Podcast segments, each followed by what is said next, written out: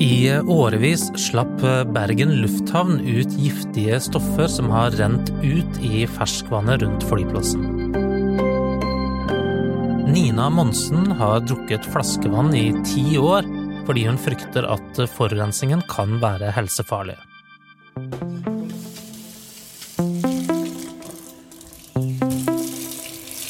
Men det lukter noe? Nei, det, gjør, det lukter ingenting. Ikke, jeg kan ikke si det. Nei, det er ikke noe, det er ikke noe misfarging på det heller. Det ser jo helt fint ut, Ja, det gjør det, skjønner du. Ser helt fint ut, og det har aldri vært noe misfarging på det heller. Det er klart og fint ut. For mange av oss er ikke rent vann noe vi trenger å tenke veldig mye på. Det er bare å skru på kranen når man må slukke tørsten eller koke potetene. I gjennomsnitt bruker hver nordmann 180 liter i døgnet. Det er langt mer enn de fleste andre europeiske land. Kanskje ikke så rart i et land der regnet flommer ned mye av året. Ja, vil du ha et glass? Men hva gjør du hvis du ikke kan stole på at vannet i springen er trygt? Jeg har tatt eh, turen til Kvitura, like ved Flesland flyplass. Her bor Nina Monsen sammen med datteren sin og hunden.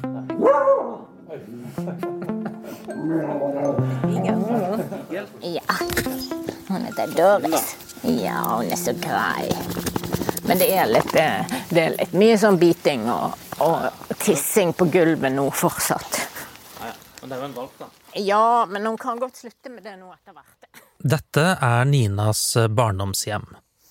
Hun bodde her til eh, slutten av tenårene, og senere overtok hun huset i voksen alder. Hagen er romslig med et stort kastanjetre ved innkjørselen. Våren er kommet, og solen flommer inn de store vinduene. På den ene siden av huset er det et gløtt ut mot fjorden. På den andre siden er det skog. Det føles virkelig som å være langt ute på landet. Men i virkeligheten er vi bare noen steinkast fra en av Bergens største trafikkmaskiner. Hvem er det som får henne med videre dette? Eplene fra hagen spiser hun ikke. I likhet med mange av naboeiendommene har huset aldri vært koblet til vannledningsnettet. Derfor har Nina satt opp en stor tank som samler takvann fra uthuset. Og på den andre siden av plenen er det en luke til brønnen som familien drakk av i mange år. Se her, ja. Her er jo ganske godt med vann, da. Ja, det var jo nesten fullt her. Ja. Men du drikker det ikke? Nei. Det er lenge siden jeg har sluttet med. Men jeg har jo drukket det kanskje til sammen i eh, 30 år av mitt liv. Hva tenker du om det nå i ettertid, da? Blir jo veldig usikker. Uh, man vet jo ikke. Uh, og på 50-tallet eh, var det jo litt andre regler enn det det er nå. Så Det Ja. Gjennom årene har flyplassen vokst seg større og større. Da Ninas foreldre kjøpte huset på 1960-tallet, så var det bare noen få daglige avganger til Oslo. I dag er det over 30 hver dag bare til hovedstaden. Men er det sånn at du blir vant til det, eller er det en plage? Eh, vinterstid går ikke så mye til det, men når jeg er mye ute om sommeren, så har det vært eh, litt plagsomt i perioder. Når man har besøk og skal holde en samtale, så må den stoppe opp. Men OK. I 2011 kom det første forvarselet om at det kunne være noe galt med drikkevannet i området. Prøver av vannet viste at det var forurenset av noe som kalles PFAS-forbindelser. Vil si fluorholdige stoffer som hoper seg opp i kroppen og kan være helseskadelige. Disse stoffene brukes i alt fra emballasje og impregnering til skismørning og brannslukkingsskum. Og der er vi ved sakens kjerne. For på Flesland har det i mange år blitt brukt fluorholdig skum under brannøvelser. Eh, Debatten gikk på at de skulle legge inn vann til oss. Det var det diskusjonen gikk på, fordi at de har forurenset grunnen. Visste du noe om de stoffene, hva det var for noe på den tiden, eller? Nei. Jeg tenkte ikke så mye over det. Jeg tenkte ja ja, det er nå et av de kjemikaliene de bruker der oppe. Det har sikkert vært brukt mye forskjellig opp gjennom tiden. Det er jo en uh, Forsvaret har jo hatt uh, masse øvelser der oppe òg. Så du var ikke så bekymret sånn i, i utgangspunktet?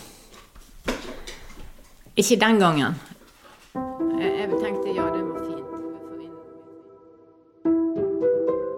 De første årene betalte Avinor flaskevann for Nina og de andre naboene. Men i 2014 fikk hun beskjed om at huset hennes ikke var utsatt for tilsig fra flyplassen. Da begynte hun å betale for vannet selv. Hun regner med at hun har brukt eh, rundt 50 000 kroner på flaskevann. Nina tar meg med opp en bratt bakke til gjerdet ved flyplassen. Det som renner ned her, havner i hagen hennes. Nei, så Vi har nettopp vært oppe og sett. sant? Vann renner nedover. Flyplassen ligger der oppe. Vann vannet renner gjennom hagen min og videre. Så derfor slo jeg meg ikke til ro. Også vi som eh, ikke bor i nærheten av en flyplass, får gi oss mange av disse PFAS-forbindelsene. De kommer inn i kroppen gjennom luften, mat og drikke, eller berøring. Og der blir de værende, for dette er stoffer som tar lang tid å bryte ned. Kvinner og barn bryter allerede tålegrensen for eh, hvor mye man bør få i seg, bare ved å leve helt normalt. For mye av disse stoffene kan føre til nedsatt immunforsvar, hormonforstyrrelser, kreft eller skader på fostre, lever og nervesystem. Og selv om eh, Nina og datteren ikke har drukket eh, vannet fra brønnen på mange år, så frykter hun at de har fått i seg mye av forurensningen gjennom oppveksten. Har du merket noe helseplager, eller?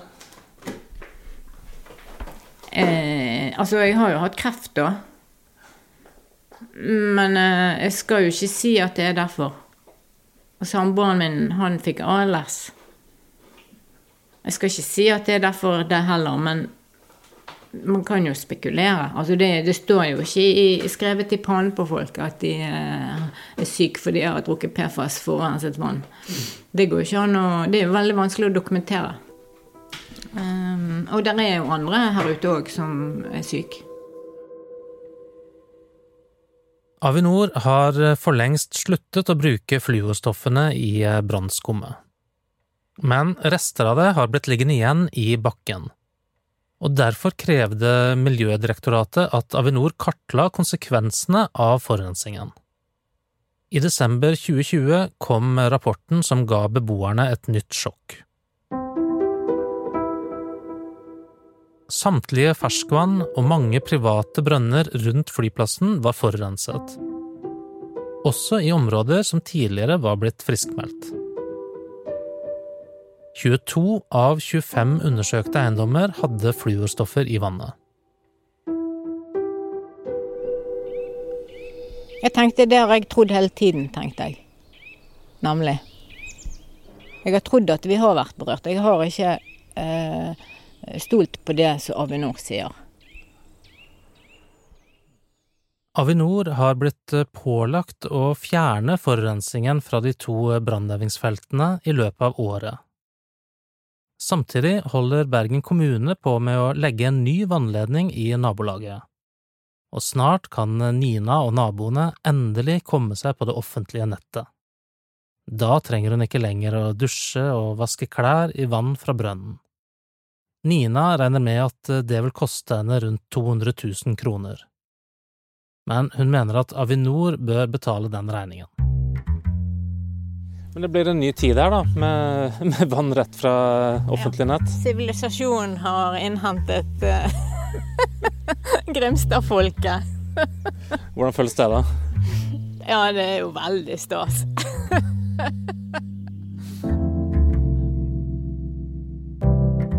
Olav Mosvold Larsen, som er Avinors leder for bærekraft, sier at de vurderer drikkevannssituasjonen for naboene fortløpende, og at de ønsker å ha en åpen og direkte dialog med beboerne. Etter at den siste rapporten kom i 2020, så har Avinor igjen begynt å betale for flaskevann til naboene. Og det vil de fortsette med inntil videre, ifølge Larsen.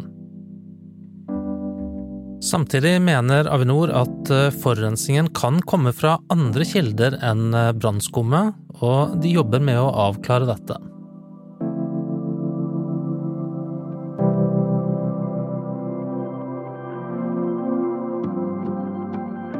Hva skjedde? er en eh, podkast fra Bergens Tidende. Og denne episoden er laget av Anna Offstad, Henrik Svanevik og meg, Rune Christoffersen.